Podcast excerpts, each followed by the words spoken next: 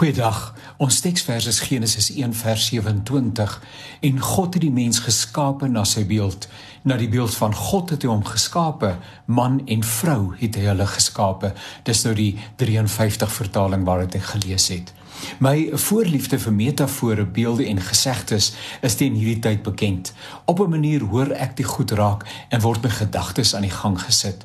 En ek sou graag hierdie week van die invalshoek af met jou wil kuier. En baie dankie vir die voorreg. Iewers in 'n program op TV maak iemand die opmerking en ek vertrou dat jy my die Engels sal vergewe. The longer you walk in someone else's shadow, the longer it takes to cast your own.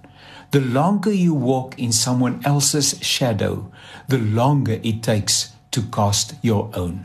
Jou eerste reaksie mag wees dat dit met die evangelie niks te doen het nie.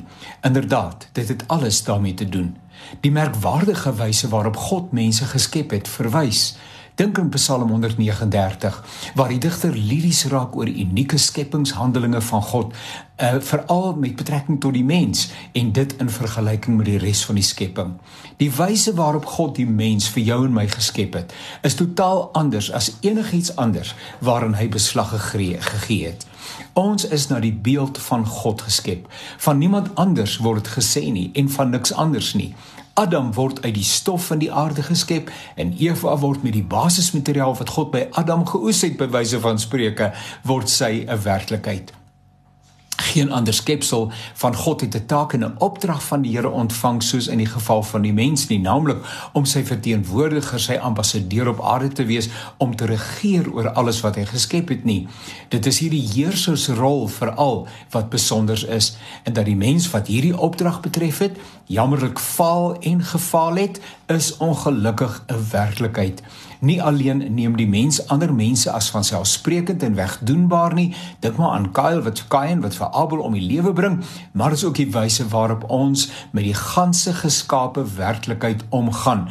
En die Bybel sê vir ons naamlik dat uh, die uh, die geskape werklikheid, die skepping sug nê, soos 'n vrou wat in barensnood is soveel van die ekologiese uitdagings waarmee ons te maak het, is die direkte gevolg van die selfsug en materialisme van die mens. In steede van regeer, die mens eksploiteer en doen dit steeds alhoewel daar dan toenemende bewuswording is van die kortstondigheid van ons bestaan op moeder aarde, sou ons voortgaan om alles rondom ons te verwoes. Die mens is onverskillig en selfgesentreerd. Maar terug by ons aanvanklike gedagte.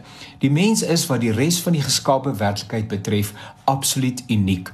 Ons leef leef met 'n opdrag en moet daarmee moeite doen. Elke mens is 'n geroepene en word getaak om ooreenkomstig sy of haar gawes die wêreld in koninkryk van God te verander. Ongelukkig is dit so dat min mense hulle eie soortige uniekheid ontdek en uitleef. Immers ons DNA verskil van mekaar en as die Here wou gehad het dat ons 'n smeltpot van algemeenheid moet wees en daarin moet verdwyn, dat ons lewens van gemiddeldheid moet getuig, uh, ons net deur die bewegings gaan van dag tot dag sonder om die wêreld indrukwekkend te impakteer dan sou dit sekerlik so gereël het. Maar hy het dit nie so gereël nie. Ons is individue. En die vraag is dus in wiese skadu leef jy en wanneer is jy van plan om jou eie unieke self te ontdek en vleuels te gee om mentors en helde te hê van voorbeelde van sukses en betekenis te leer is goed, maar ons mag nie ons eie unieke mens wees in die proses verloor nie. Dis tyd dat ek en jy ons eie skaduwee begin gooi.